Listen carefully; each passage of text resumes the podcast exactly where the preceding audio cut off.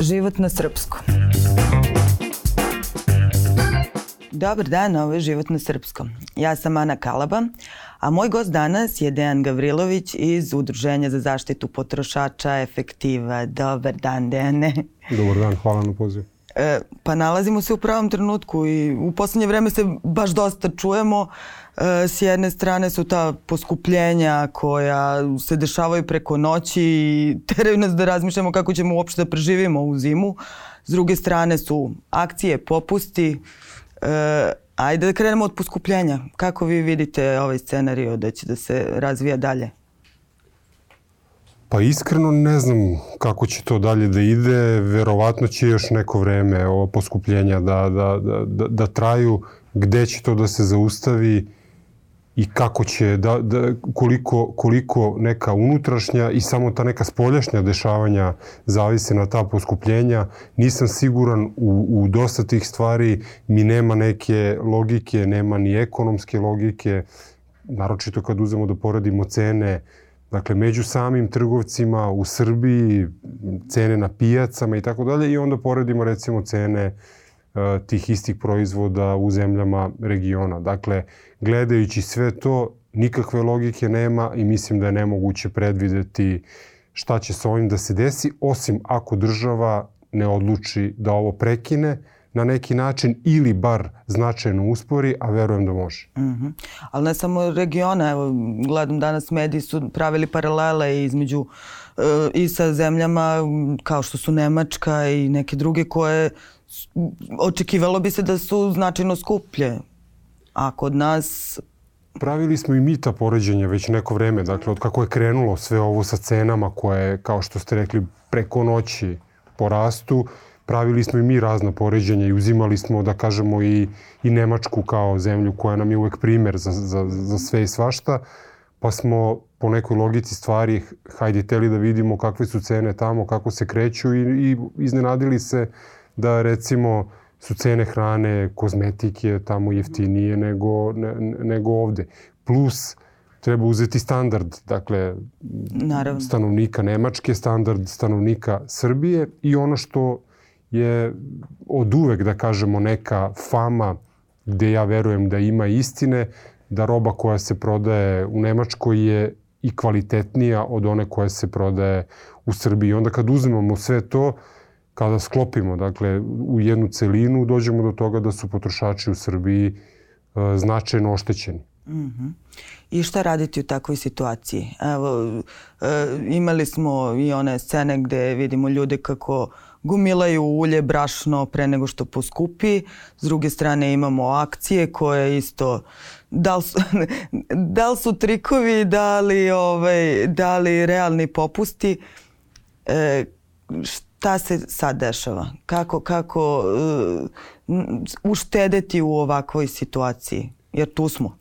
Kako postupiti takođe jako teško ovaj, dati odgovor.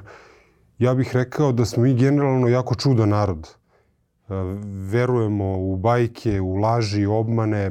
Evo imali smo i ovih dana priliku da, da čujemo onom kangaru Trežerov koji je oštetio ne znam koliko, 100.000 ljudi.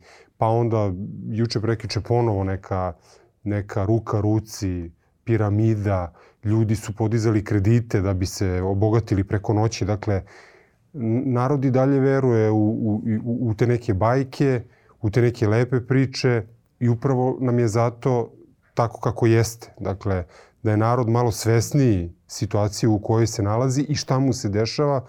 Prvo mislim da bi narod, građani bi trebalo da se pobune zbog svega ovoga, i zbog cena goriva, i zbog cena hrane, kozmetike, dakle tih nekih osnovnih stvari koje, koje, koje čine e, jedan život. S obzirom da nema, tih, da nema toga, da su te pobune uglavnom putem društvenih mreža ništa konkretno se ne dešava, onda lančano se dešavaju ove stvari o kojima sve vreme pričamo. I šta je tu e, moguće uraditi, dakle onaj ko, je, ko ipak ima određenu svest i želi da pomogne sebi, što je potpuno i logično, dakle jedino što može da uradi je da uzme i da poredi cene. Dakle, da koristi one sajtove za poređenje cena kojima ja iskreno ne verujem mnogo jer se pokazalo da i oni daju nekada pogrešne informacije, a, a inače mislim da služe u svrhu da nametnu e, za određeni proizvod ili za proizvode koji se tamo pojavljuju, da nametnu neku cenu kao možda realnu, a u stvari da onaj ko to pogleda i ne zna da ta, taj proizvod na nekom drugom mestu može da se nađe i, i, i značajno jeftinije. Ali to su i one akcije koje u stvari uopšte nisu akcije, nego su samo ove, etikete druge boje i naznačeno kao akcija kao roba s popustom. Pa Jel ima je, toga? Ima i toga i to je opet se uklapa u ovo što sam rekao malo pre. Jednostavno građani vole, ovaj, vole te bajke, vole te obmane, vole da vide da je nešto na sniženju. Mi smo nekoliko puta objavljivali, dakle, trgovci se više i ne trude da, da, da sakriju da nas obmanjuju. Jer vide da niko ne reaguje. Prvo, ajde da kažemo, potrošači ne reaguju na neki organizovan način. Mi smo par puta pokušavali neke proteste da organizujemo neke Aha. aktivnosti i bud, slab odziv bude za to. Drugo, ne postoje državni organi koji bi to mogli da spreče. Odnosno, postoji tržišna inspekcija, ali samo na papiru. Dakle, evo, ja bih postavio pitanje, dakle, svako ko iole prati medije, neka kaže sam sebi kada je poslednji put čuo da je tržišna inspekcija imala neku konkretnu akciju, da je nešto sprečila, da je nekoga kaznila i tako dalje. I trgovci to znaju. Znaju i u postupku rešavanja reklamacija koji se i tekako tiče svega ovoga i onda smo došli u fazu da recimo kada i neko kaže trgovcu kada mu pripreti, da kažemo, po znacima navodnika, tržišnom inspekcijom, oni se nasmeju i kažu pa ne, nema od toga ništa. Dakle, i onda u celoj toj uh, konstrukciji stvari jednostavno svako gleda da, da, da dodatno zaradi, pričamo o trgovcima, jer jednostavno im se može. Niko ne reaguje, s jedne strane reakcija potrošača je mlaka, s druge strane reakcija državnih organa ne postoji i onda je to pušteno bukvalno bez, bez, bez kontrole. Mi smo nekoliko puta objavljivali dokaze, o što sam počeo malo pre, dakle, etiketa, neka roba je u pitanju garderoba i onda vidi se da ima nekoliko nalepnica i onda na prvoj je redovna cena, skinete nju, ispod je bila akcija, skinete nju, pa je pre toga isto bila redovna cena, tako da... A sve iste cene, recimo. pa ima razlike, ima, ima razlike ili čak se dešavalo, jedno smo objavili da je cena na akciji bila nešto veća od one redovne cene koja je bila ispod, ispod nje. Dakle, klasična obmana potrošača, ali kažem, dokle god nema reakcije ni sa jedne strane, to će se dešavati. A čini mi se da smo sad baš onako posebno laka metar. Svi bismo nešto da uštedimo u, u susret toj krizi koja nas čeka, u kojoj smo već u stvari. Ove, I baš smo se ti ja dosta čuli proteklih dana oko tih popusta, pa je jednom bilo uh, dalje nešto različita veća je cena bila od one koje je na popustu važila, pa je drugi put bilo nešto proda, prodavali su losion kome je već otišao rok trajanja kao na popustu što bi trebalo valjda da povuku iz prodaje, jel? Pa ima tu kada, kada se radi o kozmetici postoji neki pravilnik koji, koji e, re, reguliše te stvari po mom nekom skromnom mišljenju pravilnik je i jeste malo čudan, ali, ali on prati neke, da kažemo, tekovine iz, iz razvijene Evrope. Tako i taj, taj, e, to je neki gel za tuširanje, mi smo to objavili. Uh, iako on ima tu dole oznaku gde, gde kao otvoreni poklopac, gde kaže da je rok upotrebe 12 meseci nakon otvaranja. To, to, bi, to bi značilo da taj preparat može da stoji u nedogled. Dakle, tu i da on zapravo tek kad se proda za 100 godina i kada ga neko otvori, onda on Naravno. bi trebalo da ima ista svojstva, što mislim da je, da je nemoguće. Ali po tom pravilniku, iako ima dakle, tu oznaku, a ima na tom, lesio, tom gelu za tuširanje, trgovac nije morao da stavlja ono upotrebljivo do. A onda je ostalo upotrebljivo do, čini mi se, septembra 2021. a mi smo već uveliko u ono, oktobru, dakle godinu, više od godinu dana a, nakon toga. I to zbunjuje, to, to zbunjuje potrošače. Da nema toga, bilo bi po tom pravilniku u principu sve regularno. Ali pitanje je koji broj koji broj potrošača zna išta o tom pravilniku koji se tiče kozmetike. Mali broj ljudi poznaje i da kažemo ta neka osnovna pravila predviđena zakonom o zaštiti potrošača kao krovnim uh, aktom koji, koji definiše odnose trgovca i potrošača i prava potrošača, a da ne pričamo o milion još pravilnika koji se granaju iz tog zakona. Da. Koji su još trikovi trgovaca na koje redovno nasedamo u Srbiji? Pa najčešći trikovi su ti sa cenama. I to znaju ljudi recimo koji prate određeni artikal. Kada recimo meni sada padne na pamet da kupim neke patike, ja pogledam tu cenu, ja mogu da je poredim samo sa cenom tih patika kod nekog drugog trgovca ili da probam da nađem neki sličan proizvod, možda jeftiniji ako želim da, da, da uštedim. Ali neko ko prati taj proizvod neko vreme, on to vidi. Meni se dešavalo, a javljali su nam i potrošači dokumentovano da recimo, ne znam, od garderobe, odeća, obuća, nameštaj, tehnika, dakle da neki proizvod ima neku svoju cenu, pa onda ga, onda ga recimo povećaju tu cenu za, za određeni iznos, pa daju neki popust i taj popust faktički bude mizeran u odnosu na onu njegovu standardnu cenu koja je bila u tom nekom periodu i to se predstavlja kao, kao neka akcija.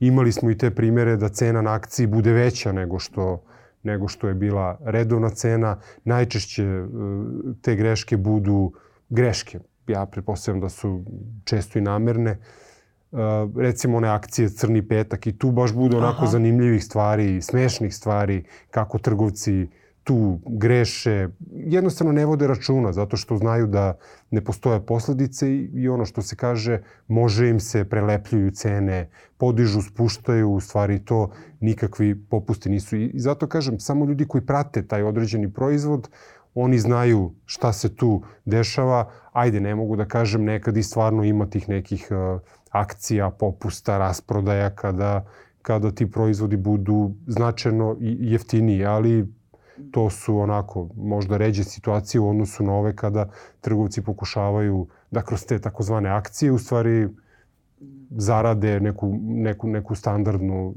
svoju zaradu koja je, je bila i na regularnoj ceni.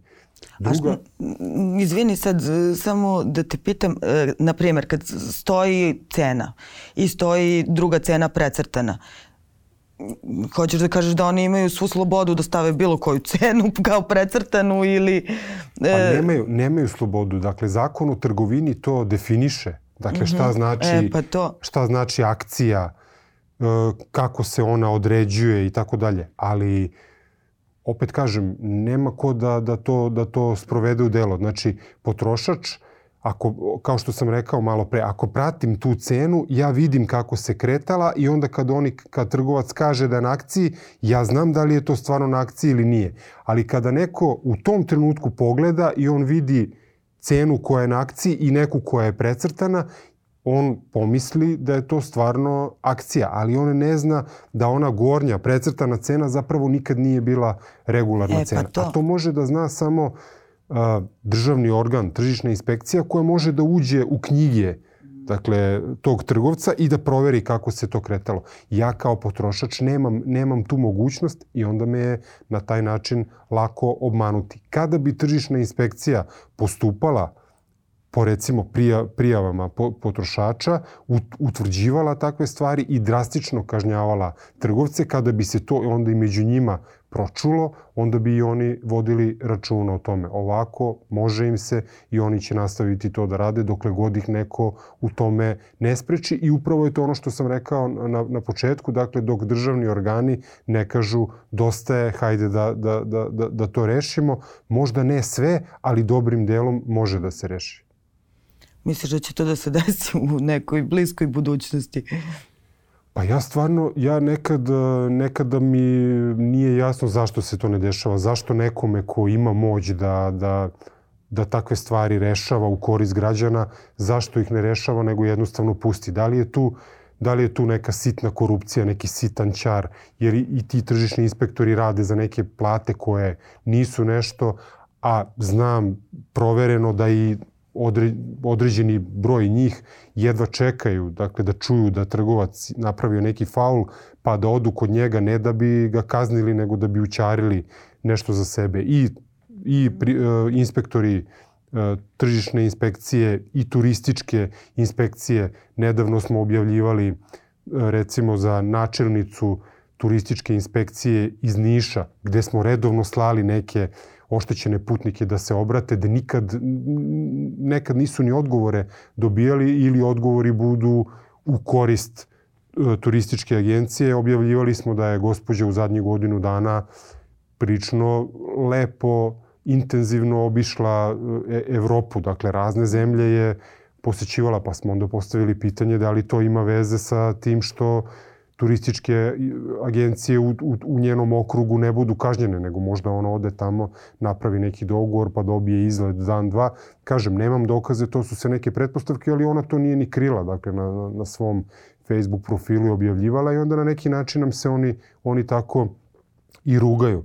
Uh, evo reći ću da sam, da sam imao primer, imam i dokaz da, da recimo uputili smo žalbu na jednog trgovca dakle, efektiva je to uradila i rekao sam tamo na osnovu kog člana zakona o zaštiti potrošača treba da se utvrdi povreda, koji, dakle, koji član je povređen. Dobio sam odgovor od tržišne inspekcije da nije utvrđena povreda nekog drugog člana koji ja nisam ni spominjao u, u, u toj svojoj prijavi. Dakle, klasično zamajavanje, računali su sa tim da će možda odustati ili već šta, nemam pojma, da možda ne, niko to neće ni čitati ozbiljno. Uh, Ja sam ponovio ovaj, tu prijavu i malo onako oštrije e, rekao da ja taj član koji oni spominju nisam spominjao da u mojoj prijavi stoji na šta se pozivam i na šta treba da urade.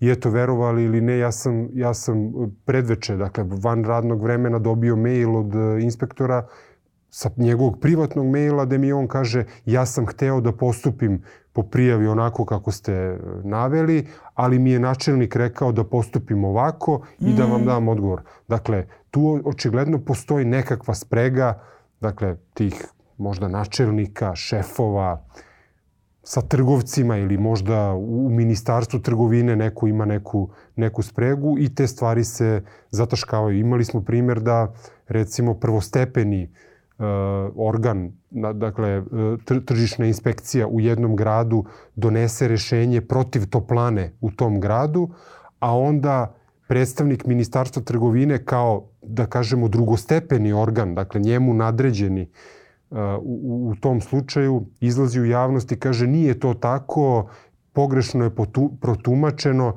i on tumači zakon na potpuno drugačiji način od onoga što piše u tom rešenju. I onda kada to pogledate, ono, jasno je da ono što sam rekao malo pre, da zapravo ti nadležni organi štite, odnosno ne samo i štite, nego na takav način i pospešuju, sponzorišu, dakle, trgovce, komunalna preduzeća da krše zakon na štetu potrošača. S druge strane, vi pozivate potrošače da kad imaju neki problem da vam se jave, e, zbog čega vam se najviše obraćaju? Kakvi su ti problemi koje, ajde da ne ako bude se to, obraćaju? Da to ne bude neko, neko hvalisanje. Ja se uvek trudim da budem objektivan. Dakle, efektiva ne poziva potrošače da se jave. Iz kog razloga? Da, da nam se jave. Zato što mi nismo svemogući. Dakle, ni mi ne možemo da, da, da rešimo dobar deo ili većinu tih, tih problema pokušavamo na neku upornost, pokušavamo na to što smo ipak prepoznati u javnosti i te naše društvene mreže, Facebook stranica izuzetno praćene i onda pokušavamo na taj način da nekome da ga bukvalno, ako mogu tako da kažem, ucenimo, da mu kažemo daj reši to da te ne bi, da te ne bismo vamo prozivali i tako dalje. Dakle, to nam je jedan od mehanizama. Drugi, drugi je ta neka pravna borba. Dakle, ali pravna borba je naročito u poslednjih godinu dana poprilično izgubila smisao. Recimo, na, na, navešće onaj opšte poznati slučaj velikog broja tužbi protiv banaka, gde je Vrhovni kasacioni sud 2018. godine zauzeo stav da je trošak obrade kredita nezakonit, dakle da banke nisu smele to da naplaćuju. I faktički najviša sudska instanca u zemlji pozvala građane da tuže banke i da uzmu svoj novac nazad. I kada vi čujete da ste oštećeni za 100, 200, 300 evra i neko vam ponudi, advokat vam ponudi potpuno besplatan postupak, verujući najvišoj sudskoj instanciji da će taj spor da dobije, vi kažete želim, što da ne, potpuno legitimno, želim svoj novac nazad i onda se nakupi 200.000 tužbi koje naprave problem bankama, ali su u stvari, nisu im te tužbe napravile problem, nego njihovo nezakonito ponašanje. Niko im nije branio da vrate novac bez tužbi, ali nisu htele. I onda je došlo do očigledne, po meni, korupcije. Vrhovni kasacioni sud je prošle godine promenio sobstveni stav.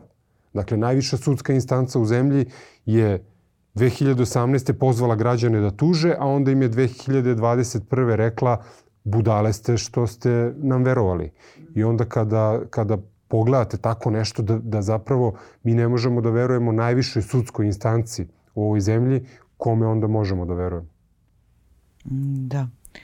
I kome možemo da verujemo? Kako da se ne osjetiš prevareno na svakodnevnom nivou? Pa ja često govorim uh, uh, da ja ulogu efektive više vidim kao neku uh, dakle edukativnog karaktera probamo da građanima probudimo svest, da malo podignemo taj nivo samopoštovanja. A dobro, kažem, tu su i te, te, te neke pravne, prav, pravne mogućnosti. Svako za sebe, što se kaže, use i u svojoj kljusi. Dakle, ako je, postoji potreba da se kupi nešto, treba pogledati ponude drugih e, trgovaca, treba pogledati ponude malih prodavnica, apoteka, zavisi koji proizvod je u pitanju, jer ispostavilo se da su te razlike često drastične. Mi smo skoro pravili primer sad ajde, e, brojke, možda ne znam na pamet, ali recimo na nekih pet artikala koje su u nekoj svakodnevnoj upotrebi u jednom domaćinstvu. Dakle, tu je toalet papir, uh, onaj uh, hemija za mašinu za sudove, prašak i, i da ne nabrajam, domestos. Znači, pet nekih artikala uzimali smo one cene koje se nalaze na, na, na, na jednom od tih sajtova koji poredi cene, ali samo tih poznatih uh, uh, trgovačkih lanaca, ne nekih malih prodavnica, naravno kojih tu nema.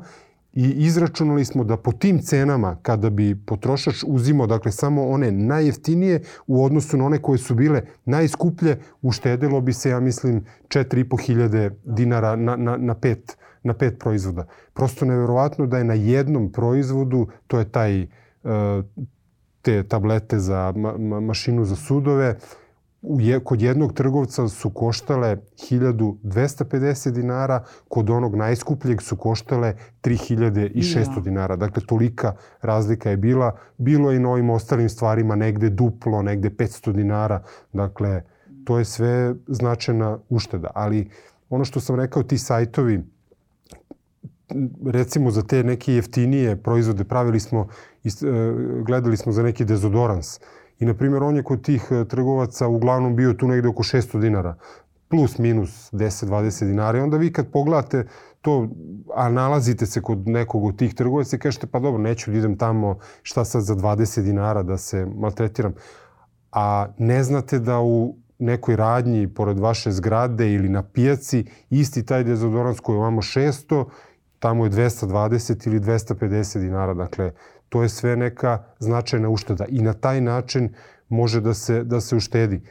Možda malo, malo deluje glupo ovaj, s obzirom na, na, na vreme u kom živimo, da sad kažemo, a evo i vidim i, na, i u medijima, sve češće ljudi posećuju pijace i tamo, i, i tamo kupuju, jer jeste značajno jeftinije. Juče smo imali poređenje uh, sa cenama u Mađarskoj, dakle dobili smo od jednog uh, potrošača fiskalni račun iz Mađarske i išli smo redom. Dakle, ti proizvodi identični kod nas, negde bude duplo, dup, duplo veća razlika. Ili bude, M bude i skuplje i dobije se, dobije se manje, kod nas tamo bude jeftinije i dobije se više za isti taj proizvod. I onda ljudi kažu, pa recimo ako planiram da potrošim 200 evra ili 250 evra na te kućne potrepštine, hranu, hemiju i tako dalje, bukvalno mi se isplati da recimo iz Novog Sada odem do, do, do Segedina,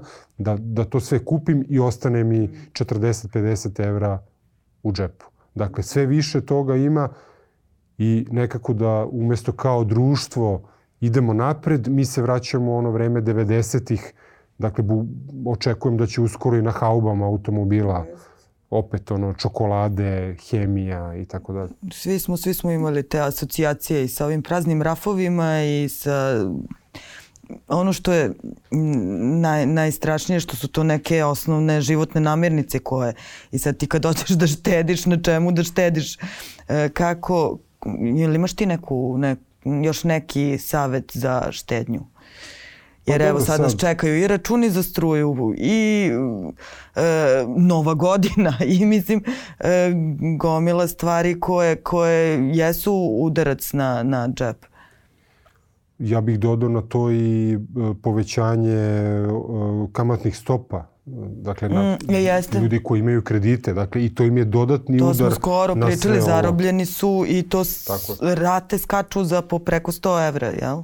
Pa dobro, to možda negde gde su baš veći iznosi Aha. kredita i tako dalje. Kod ovih, da kažemo, prosečnih 30-40 evra, ali svakako to nije zanemarljivo. Dakle, 4-5 hiljada dinara preko noći više davati banci zbog čega Ovaj, ali jednostavno i, i, i to se dešava. Ne postoji univerzalni savet za, za, za štednju. Dakle, mogućnosti za štednju zavise od tih uh, finansijskih mogućnosti, dakle, ako pričamo o domaćinstvu, porodici ili o pojedincu. Dakle, neko ima veću platu, neko ima manju platu, neko ima veće troškove ove početne, dakle neko plaća kiriju, iznajmljuje stan, neko ima svoj stan, plaća, plaća komunalije. Ali kada bi država htela da nam omogući, država bi mogla za nas da, da, da, da nam uštedi i to značajan novac. Prvo, da reši pitanje naplate komunalnih usluga. Evo, aktualna je priča grejanja.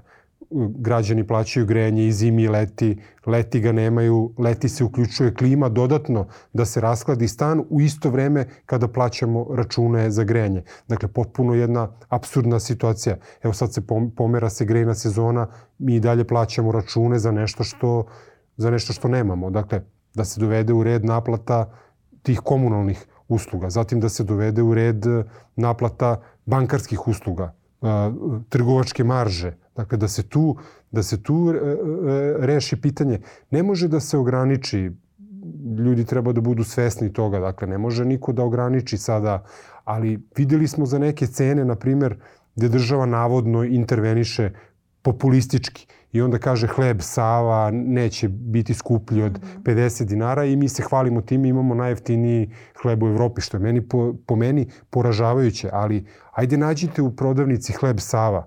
Dakle, u mnogo tih uh, uh, radnji, pekara, ne postoji hleb Sava, on se sad zove hleb Žika. Ist, isto, isto ima svojstvo, ali je ta odluka o ograničenju cena trgovci je zaobiđu tako što taj isti hleb nazovu drugačije i prodaju ga po, po nekoj većoj ceni. Evo imali smo nedavno primer ulja, e, gde recimo to neko ulje, litar, pakovanje od litar košta tih 200 dinara koliko je ograničena cena, ali pakovanje od 5 litara košta 2000 dinara. Dakle, ako kupite 5 litara po litar, to će, vas, to će koštati 1000 dinara, ali pakovanje od 5 litara košta 2000 dinara. Pitali smo tog uh, trgovca u čemu je kvaka i odgovorili su bez, da kažemo, ikakvog uvijanja, pa uredba je ograničila cenu ulja na litarsko pakovanje, a i ne na pakovanje mm -hmm. od 5 litara, što znači da tu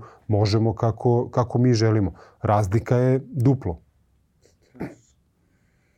Dobro, i završavamo lagano. Htela sam samo da te pitam. Evo, koleginica je imala pitanje za tebe u vezi sa dostavljačima. E, njih je sve manje i evo, svi našto naručujemo e, to je isto usluga koja je poskupela, a oni e, ne donose na vrata. Da li se tu može žaliti i kome? Pa u principu može. A opet se vraćamo na ono, ali kome? I šta će se tu desiti? Reakcija uh, nadležnih u samoj firmi dostavljača je često nikakva ili možda blaga, jer i oni su svesni da ako previše pritiskaju, da kažem, ljude koji rade za njih, da će izgubiti radnu snagu, svesni su da te radne snage nema, nema toliko na tržištu, a da ne ponavljamo ono ako se žalite tržišnoj inspekciji i tako dalje, to je za njih mizerno, oni po tome neće, ne, neće ni, ni postupati. Ono što je evidentno je da, da jednostavno redko ko sa te strane trgovaca ili pružalaca nekih usluga ne gleda, a da nas na neki način ne prevari. Bar, na, bar za malo ošteti ili sebi za isti novac napravi, da kažemo, manje posla i tako dalje. I to je nešto što je ono, postalo potpuno normalno, čini mi se, u, u našem društvu i da da, da svako od nas zapravo treba da se bori svaki put kad ima neku situaciju, da proba da se samostalno izbori sa njom na neki način koji, koji mu u tom trenutku možda bude prihvatljiv, moguć, koji će mu omogućiti da kažemo da, da, da nešto reši. Ali kažem, tih uspeha je malo, neuspeha je e, mnogo, e, sve to zahvaljujući nepostupanju, neradu tih, tih e, državnih organa. Priča oko dostavljača traje već neko vreme, iako bi trebalo da bude suprotno, s obzirom da recimo od početka korona krize nekako su potrošači više prešli Jest. na, to, na tu online kupovinu, na naručivanje i tako dalje. Pa umesto da to bude nešto što je u ekspanziji u principu i jeste bilo, opet se to, to nekako klatno vraća unazad da i oni sve bahati. U stvari, ajde da razgraničimo e, dostavljači koji ili ove kurirske službe. Mi pričamo ovde o kurirskim službama. Dostavljači, ovi koji donose hranu i to oni uglavnom donesu na, uglavnom donesu na vrata. Tu su možda manje te neke žalbe ali recimo kad naručite, na primer, e, nameštaj, belu tehniku ili tako, ili tako dalje, dakle često se desi da oni kažu, e, donali smo do, do, do, do zgrade ili možemo da vam donesemo na treći sprat, ali to se plaća, ne znam, Dodatno, 200 dinara po, po spratu i tako dalje, što je, što je nezakonito, ali ljudi ne znaju svoja prava, pa često nasednu na to i plate. Aha, a ima i onoga kad naručuješ nešto manje pa ga pa uopšte te i ne pozove nego ti ostavi na nekom mestu pa ti treba da ideš da pokupiš to, toga ima, recimo tu je bilo, ima, imali smo dosta i, i mislim da to još uvek traje, recimo ove pošiljke sa AliExpressa što građani kupuju te neke džidžabidže jeftinije i tako dalje da recimo imali smo ljude koji kažu od 10 pošiljki ja sam 3 dobio, dakle 7 pošiljki mu nije. Pa su nam onda slikali svašta je tu bilo, da recimo poštar to baci ispod uh, ili stavi na sanduče ili nađu ispred zgrade, mm -hmm. ono tipa dva, tri paketa, on je to samo istresao i, i, i otišao, otišao dalje. Da. Dakle, svega tu ima, a opet kad pođemo od toga, kad vidimo da i oni štrajkuju, male su plate i tako dalje, onda shvatite to neko nezadovoljstvo, ali opet s druge strane, ako radiš neki posao, radi ga do kraja, ako ti se ne sviđa, reci neću, tražit ću nešto drugo, sve, sve, sve je to povezano.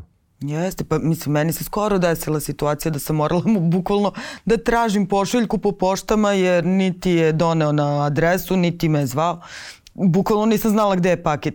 I na kraju kad sam pitala šta sad, oni su rekli pa žalite se ako hoćete. Malo ih je verovatno ono, bio neko na zameni i tako. To je dakle među trgovcima koji znaju kako stvari realno funkcionišu. Evo juče smo, ja mislim, ili prekjuče objavili problem jednog potrošača ko, koji je odno tepih na pranje, neki skupoceni tepih, naravno ljudi koji peru tepihe se razumeju šta je skupoceno, šta nije i taj tepih je nestao. Mm. E, potrošač nema nikakav dokaz. Dakle, ima neki revers gde piše predat tepih dana tog i tog. Nema nikakav opis, ništa što detaljnije vodi ka tome, jer tepih sad možda bude nešto bez veze i nešto, nešto baš skupo i po rečima potrošača kada je rekao tužiću vas tako dalje, ovaj je sam rekao tuži me, ti ćeš taj spor izgubiti. Svestan je toga da ovaj nema nikakav dokaz da što je bio tu. Ovaj da, ima taj neki revers, ali ne šta je, šta je, šta je i predao. I onda recimo autoplacevi. Imali smo situacije da na istom autoplacu fizički, dakle na toj lokaciji, unazad pet godina je pet različitih firmi otvarano, jer, i, jer taj što prodaje automobile svako malo nekog prevari, ovaj ga tuži, on zatvori firmu, otvori na kuma, otvori na ženu, otvori na sestru i nastavlja dalje da radi. Jednostavno, sistem im je to omogućio, pa kad, kad uzmemo samo najabsurdniju situaciju koja kreće sa vrha, da recimo Ministarstvo trgovine, znači koje se zove Ministarstvo trgovine, je nadležno za zaštitu potrošača.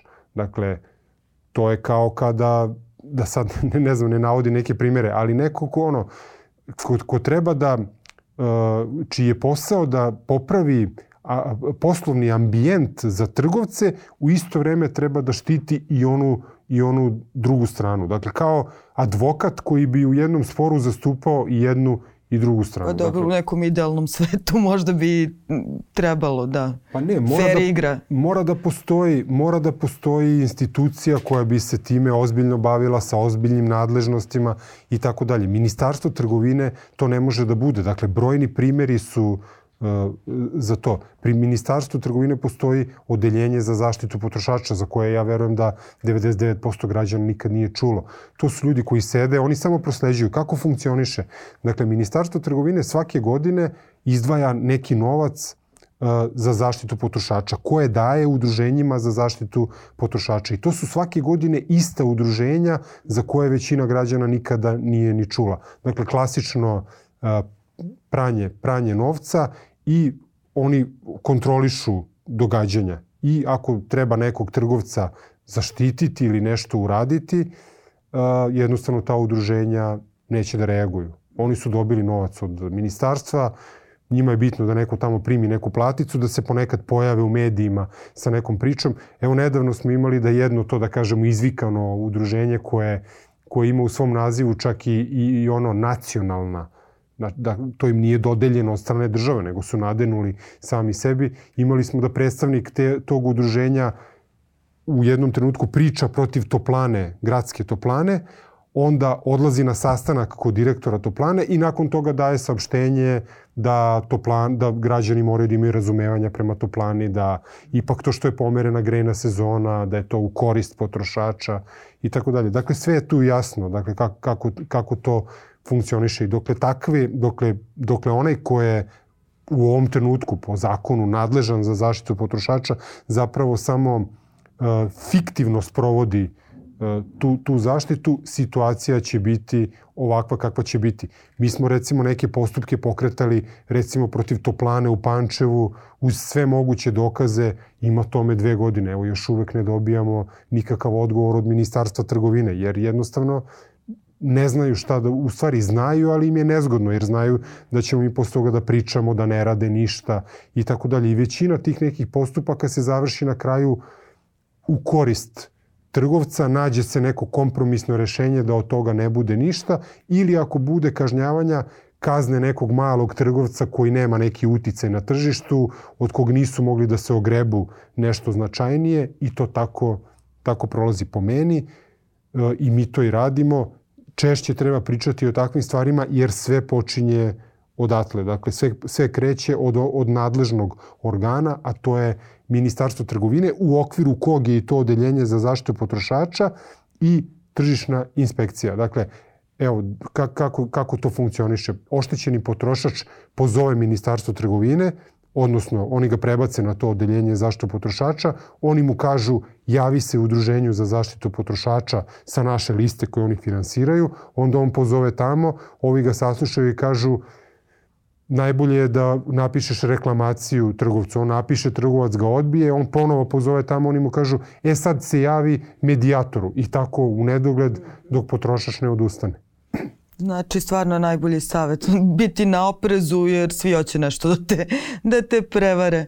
Pa, redki su primeri, da kažem, te neke dobre poslovne prakse. Uglavnom ima dosta, mnogo više tih primera a, loše poslovne prakse, tih obmana, često i prevara. I ono što sam malo pre hteo da kažem primetno u poslednje vreme, ali ne možemo da kažemo da je to obmana, to je smanjivanje gramaže. Aha. Čokolada koja je bila 100 grama, sad je 80 kisela voda koja je bila litar i po, sad je litar 35. Imali smo recimo i sa mlekom, da ono ograničena je bila cena mleka ovog od 2,8% mlečne masti, onda je jednostavno proizvođač napravio od 2,5. U stvari, ne verujem da je sastav mleka bilo šta tu menjan, samo je promenjena ambalaža kako bi to mleko moglo da se prodaje po, po nekoj većoj ceni. Imali smo one napolitanke, ono, ko je navikao, ko, ko to jede, ono, da kažem, celog života, kad otvorite ono, to su bile sve poređane, ono, jedna do druge.